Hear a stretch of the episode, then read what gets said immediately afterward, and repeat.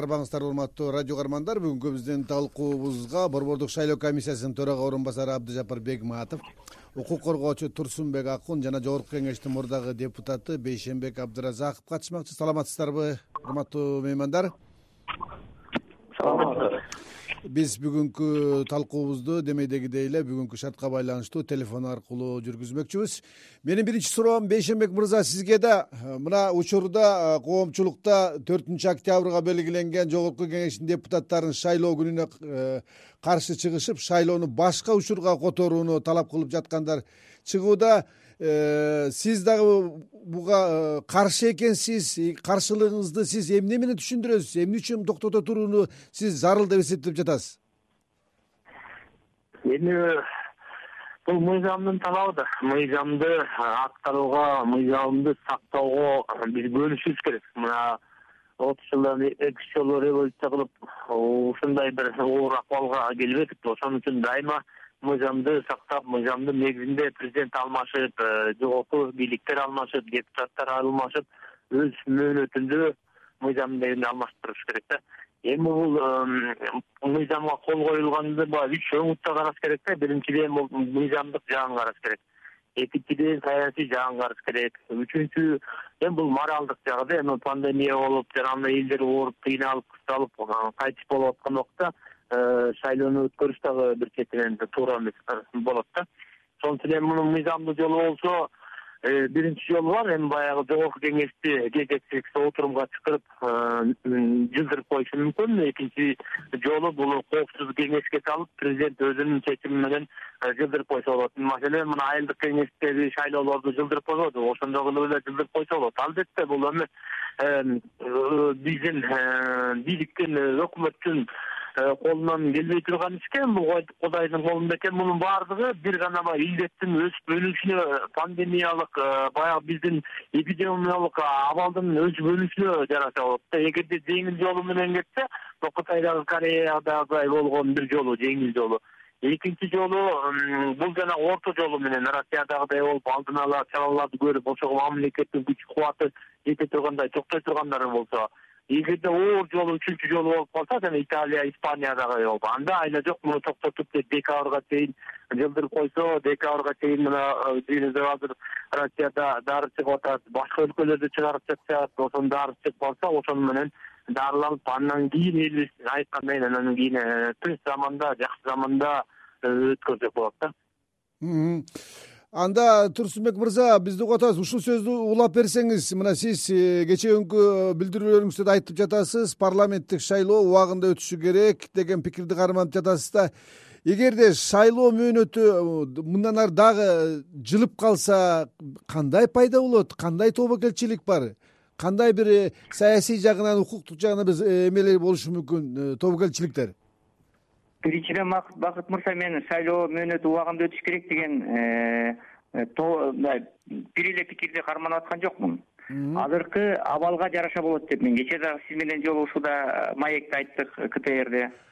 Азыркы азыр президент өзүнүн укугун пайдаланып төртүнчү октябрга шайлоону бекитти.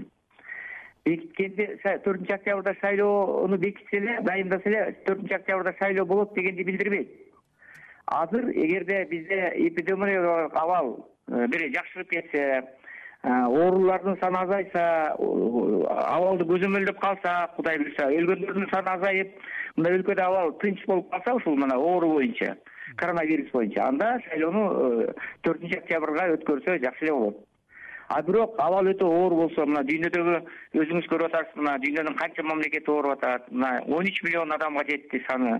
Өлгөндөрдүн саны беш жүз жыйырма миңден ашып кетти жарым миллиондон ашып кетти. Бир эле америкада жүз отуз төрт миң адам өлдү үч миллиондон ашуун адам ооруп атат. Башка өлкөлөрдө мисалы канчалаган оор абал болуп атат.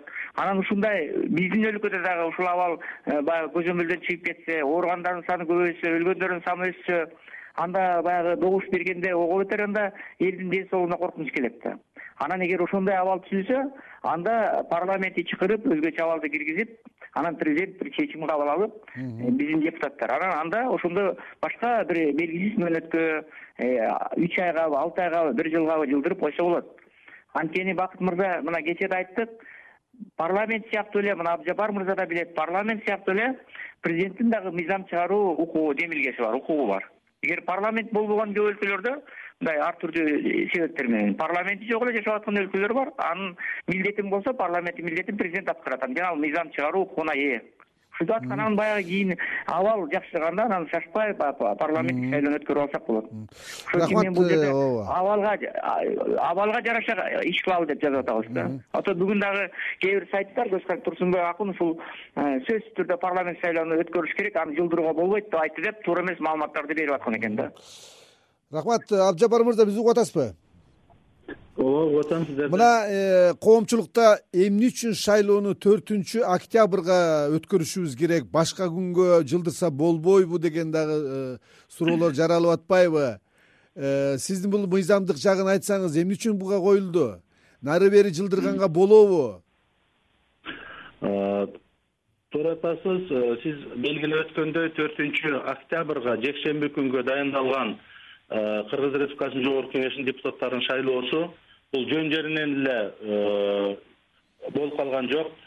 Бул э, биздин баш мыйзамыбызда билесиздер ушундай шайлоолордун өзүнүн мөөнөтү менен өтүп турчу өз мөөнөттөрү бар. Мисалы президенттик шайлоо алты жылда бир парламенттик шайлоо беш жылда жергиликтүү кеңештин депутаттарынын шайлоосу төрт жылда ушундай бизде өткөрүүчү өтүүчү шайлоолордун өзүнүн мөөнөтү конституциялык мөөнөтү бар. Ошол ошол мөөнөткө жараша бул өткөрүлүш керек. Андан сырткары жогорку кеңештин республикабыздын президентин жана жогорку кеңештин депутаттарын шайлоо жөнүндө конституциялык мыйзамда көрсөтүлгөн. Парламенттик шайлоо жогорку кеңештин депутаттарын шайлоосу.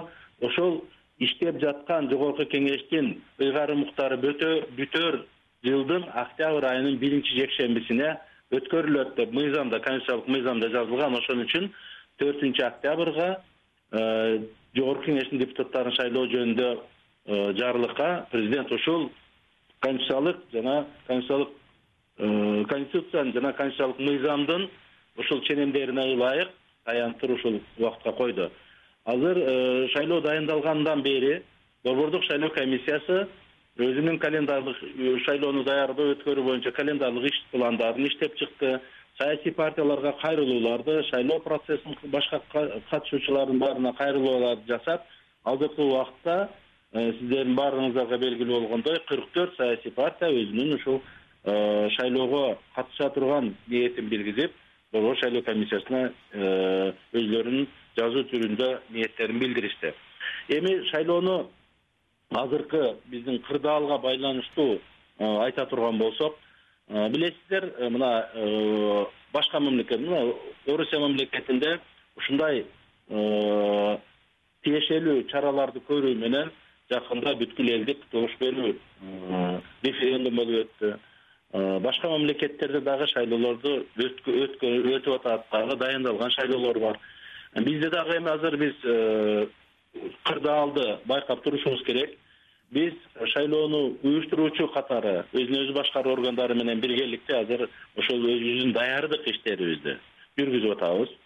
Бирок э, баардыгынан биз э, ошол шайлоо процессинин катышуучулары э, саясий партиянын өкүлдөрү болобу шайлоо комиссиясынын мүчөлөрү болобу сиздерге белгилүү болсо керек бизде кыргызстанда ошол баардык деңгээлдеги борбордук шайлоо комиссиясында аймактык шайлоо участкалык шайлоо комиссияларына баардыгында биригип жыйырма беш миңден ашуун биздин э, чоң ушундай коллегаларыбыз бар. Алардын дагы ушундай э, ден соолугу коопсуздугу боюнча дагы биз ооба абжапар мырза ал жөнүндө дагы биз кийин сөз кылалы биз байланышта болуп турсаңыз биз азыр э, бейшенбек мырзага сурообуз бар да. Сиз жана жогоруда айттыңыз жогорку кеңештин э, ыйгарым укуктары бар дедиңиз э, коопсуздук кеңеш жөнүндө дагы кеп кылып атасыз. Мына жогорку кеңештин үч депутаты келерки шайлоого байланышкан маселени чечүү үчүн парламенттин кезексиз жыйынын чакыруу боюнча төрагага кайрылышты жогорку кеңештен болсо э, жыйынды чакырыш үчүн депутаттардын үчтөн бири э, колдош керек же болбосо демилге кылыш керек деп атат да. Эмне үчүн мындай э, демилге колдоо таппай жатат деп ойлойсуз бейшенбек мырза? Эми бул жерде үч депутат айтканы менен көпчүлүк депутатты макул кылыш керек да. Көпчүлүк депутаттар деле азыр мынабул оорлошуп кетсе ал акыбал эпидемиологиялык абал оорлошуп элдер көп ооруп көп жатылып кетсе ал депутаттар деле ошого барат да айла жок. Президент деле ошого барат. Баары бир жылдырат да. Бул жерде башка маселе эң негизги маселе могул илдет менен азыр чогуу күрөшүш керек да. Керек болсо азыр бийлик өкмөт бул партияларды да колдонсо болот могу саясий акыбалды бул эпидемиологиялык кырдаалга колдонсок болот азыркы күнү мына гепаринди сатпай кымбаттатып он эсе сатып атпайбы дарыларын баарын азыр шайлоону болду деп туруп штабты кетире берсек бүт бекер тарката баштайт дарыларды бекер тарката барат. Жана күнүмдүк стационарды борбордо төрт жерге араңашты азыр кырк алты районго жети областка эки жарым миң айыл өкмөт ар бир көчөгө чейин ача башташат булар дарыны бекер тарката барат жанагы бет кап деген кол кап дегендерди бекер тарката башташат да. Ошентип буларды колдонуп элди ала колдон чыгарып элди айыктырып алып туруп анан кийин декабрга жылдырып коюш керек да булардын акчасын төгөтүп туруп. Андан кийин чачпай тынччылык абалда өткөрсөк болот. Ошол убакта дагы э, азыркы күнү бийликте дагы убакыт болот. Шайлоо э, комиссиясында дагы убакыт болот. Биз керек болсо жанагындай э, онлайн режимде интернет голосованияга чейин барышыбыз керек. Элди чогултканга болбойт агитация кылганга болбойт алардын баарын жөөттүрүп эле интернет голосование кылсак канча убакытты да эконом кылабыз жанагындай участковый анан райондук областтык деген комиссиялардын баарынын кереги жок болуп калат интернет голосование менен өткөрсөк онлайн режимде жакшы да болот тынч да болот бир гана нерсе бул жерден бийлик техникалык жагын көзөмөл кылыш керек да. Бир киши бир гана добуш бере тургандай кылып туруп ал жагынан бийлик иштеш керек. Э, иштеп биздер э, ошо интернет добушка даярданыш керек да. Көп каражат көп оборудованияларды алып ошого даярдык көрүп алса ошол жагынан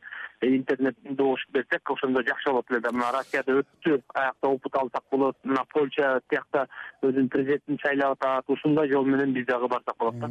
Рахмат э, турсунбек мырза мына азыркы сөздү уласак э, эгерде шайлоо өтө турган болуп калса ушул демократиялык принциптерди сакталып адам укугу корголуп шайлоого болгон катышуу укугу жакшы корголуп коопсуздук чаралары күчөтүлгөн шартта өтө турган болсо сиз кандай формасында бир сунуш кылар элеңиз? Эмне ойду айтар элеңиз?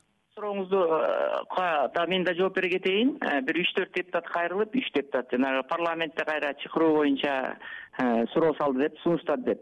Мен ойлойм да э, парламент мына абдыжапар гапиришти угуп атат.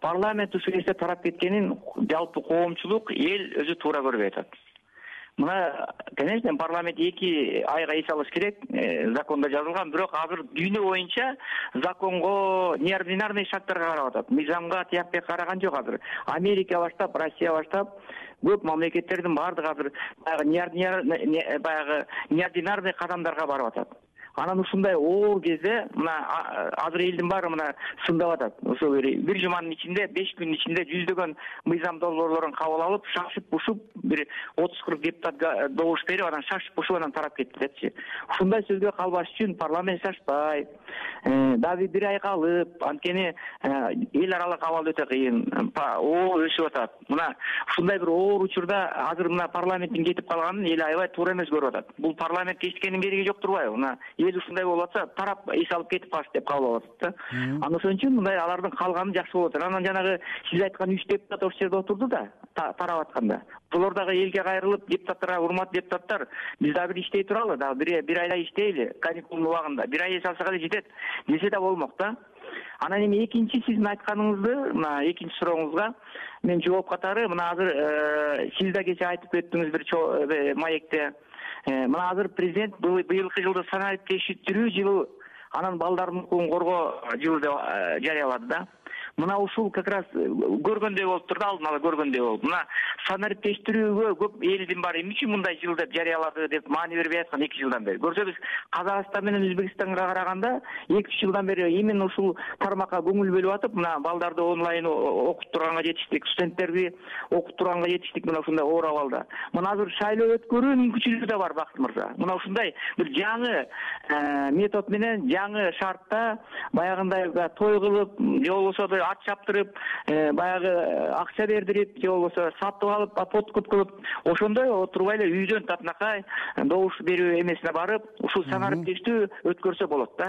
Анан бул жерден баягы шайлоочулардын аралыгын сактап бет кабын кийгизип татынакай тартипке келтирип азыр борбордук шайлоо комиссиясы бул багытта аябай катуу иштерин жүргүзүп атат азыр азыр ошо борбордук шайлоо комиссиясы төрага орун басарын угалы абдыжапар мырза азыркы сөздү улап берсеңиз мына интернет добуш берүү санариптешкен э, технология менен добуш берүү маселесин айтып атат да.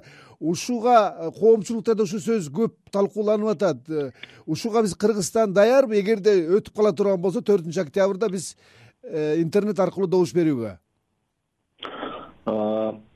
Туура бул алдыңкы технологиялар шайлоону өткөрүүнүн алдыңкы технологиялары. Бирок биз кечээки эле биздин өзүбүздүн тарыхыбызды карап көрүшүбүз керек мына акыркы э, мамлекетте болгон э, чоң чоң саясий окуялар ушул шайлоого элибиздин ишенбей шайлоонун натыйжасына ишенбегендиктен келип чыккан көп маселелер бар. Биз бүгүн эптеп септеп эле өткөрүп коелу деген ойдон болбошубуз керек.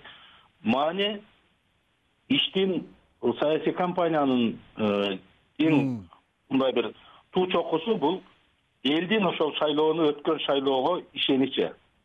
Ошону кабыл алышы. Биз башка технологияларды дагы мисалы дүйнөдө болуп аткан технологияларды э, кабыл алып өткөрүп ушундай кылсак болот. Биз азыр ушулга бараткан мисалы көп мамлекеттер биз колдонгон технологияларды колдоно элек. Илгеркидей эскидей эле болуп келатат. Биз азыр буюрса эгерде ушундай бир эки этаптан кийин ошол э, башка сиздер азыр атап айткан интернет башкача бир э, добуш берүүнүн башкача бир түрлөрүнө өтсөк болот. Биринчиден бул азыр өткөзгөнгө бизде мыйзамдык базабыз жок. Э, ага биз законодательный базаны чыңгап туруп ошого ылайыктап анан кийин өткүзүшүбүз керек. Эми бизде азыр колубузда болгон мыйзамдар менен. Мисалы азыр э, коомчулукта да айтып атат азыр биздин э, коллегаларыбыз дагы айтып атат бир эки айга жылдырып туруш керек. Эми биз э, азыркы абалды эпидемиологиялык абалды биз көзөмөлдөп ошого жараша болуш керек. Азыр борбор шайлоо комиссиясы ошол өкмөттө түзүлгөн штаб менен бирге шайлоону даярдоо өткөрүү боюнча штаб да түзүлгөн ошолор менен азыр ошол кырдаалды байкап ошол кырдаалга назар салып мониторинг этип анан кийин буга жараша кылышыбыз керек. Мисалы эки бир эки айга жылдырып туруш керек анан э, спокойно декабрда өткөрүш керек ноябрда өткөрүш керек. Э, эч ким кепил боло албайт бир айдан кийин бизде жакшы болуп калат деп же биз ноябрда жакшы болуп калат. Ошон үчүн азыр биз өзүбүздүн даярдык ишибизди биз планыбыз боюнча мыйзам боюнча аткарып баратабыз.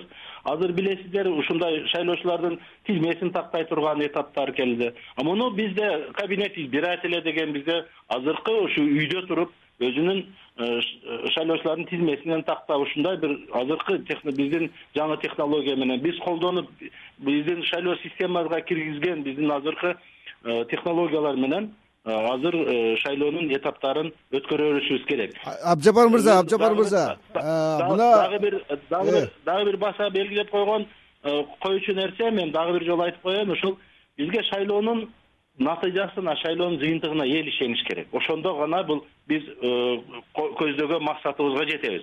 Анан эгерде ушундай болуп өтө турган болсо биз мына азыр айыл өкмөтүнүн башчыларын шайлоосун өткөрүп атабыз.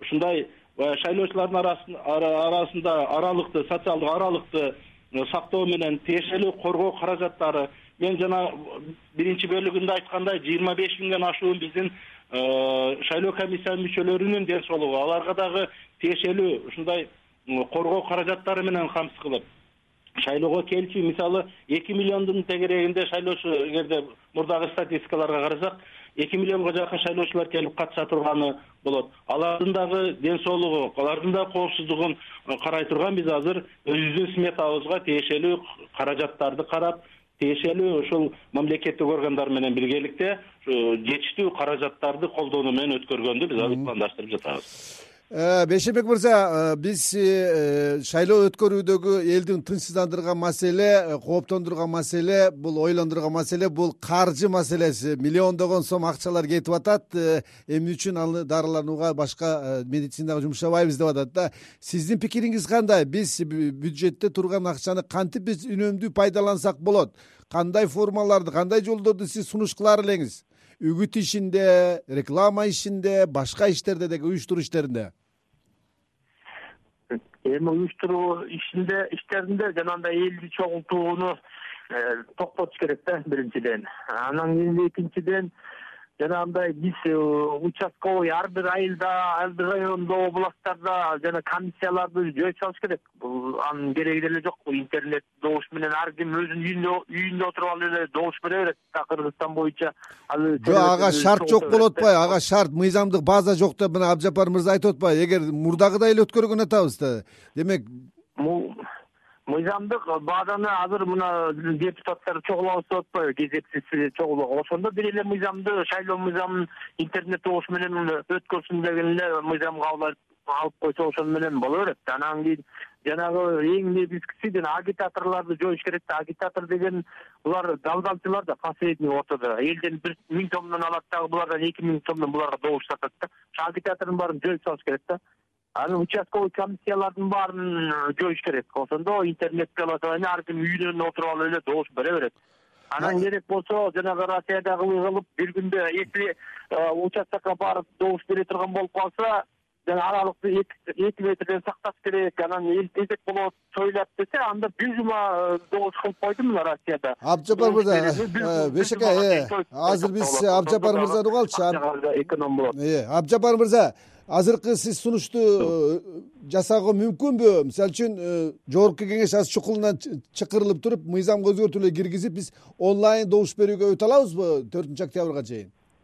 Эми э, мен аны айта албайм. Биз эгерде мыйзам кабыл алынып ага кол коюп эмеге аракетке кирсе аны биз баардыгыбыз аткарганга милдеттүүбүз бирок бирок азыркы биздин колдо болгон мыйзамдардын эле негизинде мисалы жанагы аксакал айтып аткандай агитаторлорду жок кылып. Биз азыр э, өзүбүздүн иш планыбызда ошол жолугушууларды талапкерлер менен саясий партиянын өкүлдөрү менен эл менен жолугушууларды биз массалык маалымат каражаттары аркылуу э, мындай элдердин тандап билүү тандап э, тандоо жасоо үчүн коллективдүү мисалы мурда бир эле партияга мынакей сенин бир саатың бар колдон деп каалагандай колдон дейт. Азыр аларды коллективдүү жолугушууларга алардын программаларын э, жарыялаганга ушу массалык маалымат каражаттарынан бирдей алардын баардык саясий партияларга бирдей укук берүү боюнча э, убакытты эфирдеги убакытты печатный площадьтарды бирдей берүү боюнча азыр биз